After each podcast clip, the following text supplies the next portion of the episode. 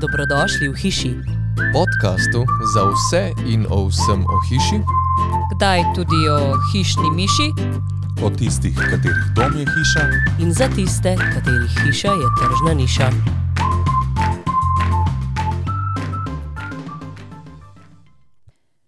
Zdaj pa eno malo bolj osebno vprašanje, oziroma tvoja osebna izkušnja, ki je zanimiva.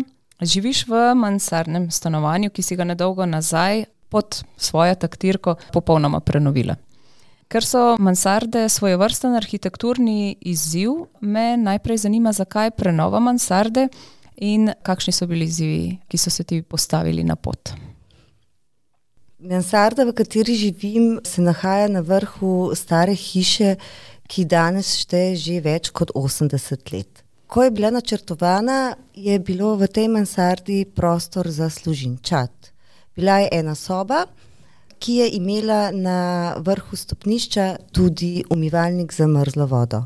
Torej je ta hiša imela uporabljeno mansardo že od vsega svojega začetka in nastanka.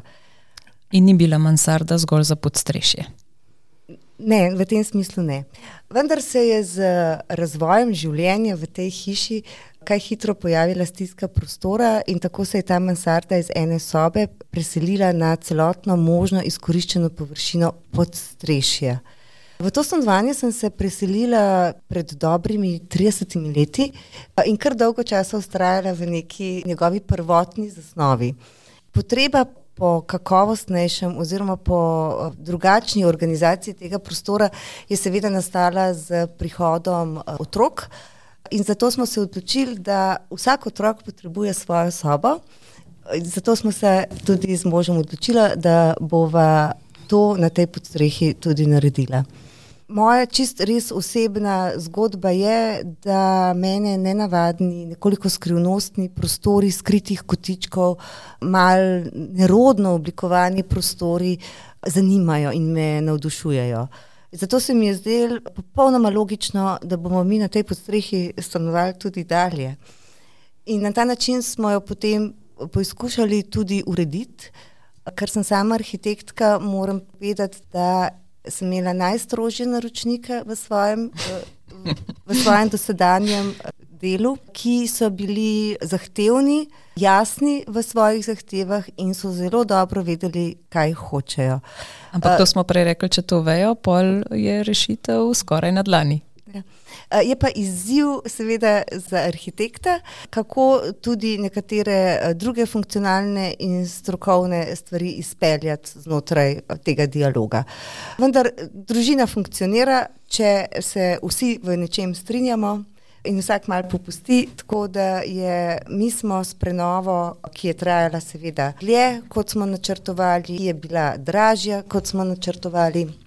Zdaj izjemno zadovoljni, živimo med krošnjami dreves, čeprav v bistvu v centru mesta, imamo navdihujoče poglede, hodimo lahko po stanovanju bosi in mislim, da se z, vsi v tem stanovanju zelo dobro počutimo.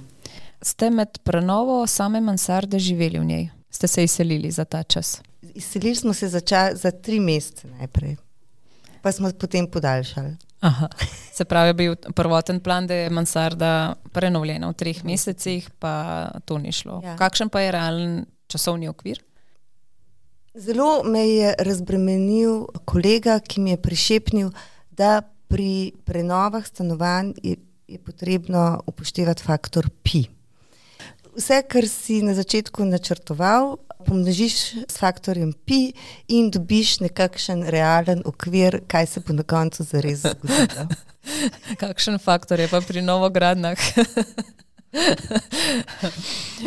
Super, to je dobra ocena in popotnica tudi eh, za poslušalce, zagotovo. Prenove so zahtevnejše od novograden, zato ker zahtevajo izjemno razumevanje prostora, razumevanje nekdanjih načinov graden, poznavanje tudi nekdanjih materijalov in načina izvedbe. Vse, vse prenove vsebujejo neka to vrstna presenečenja. Ki jih je potrebno reševati na licu mesta in strokovnjaki na licu mesta in potreba mogoče v tem trenutku nekaj spremeniti in te spremembe lahko vplivajo na celoten potek prenove same. Tudi upeljava novih tehnologij, ki jih danes potrebujemo za kakovostno bivanje, pri prenovah predstavlja svoje vrstne izzive, ker večina novih tehnologij je namenjena novejšim prostorom, kjer so prostori za inštalacije dosti obsežnejši od prostorov, ki so bili za inštalacije namenjene v nekdanjih starih stavbah.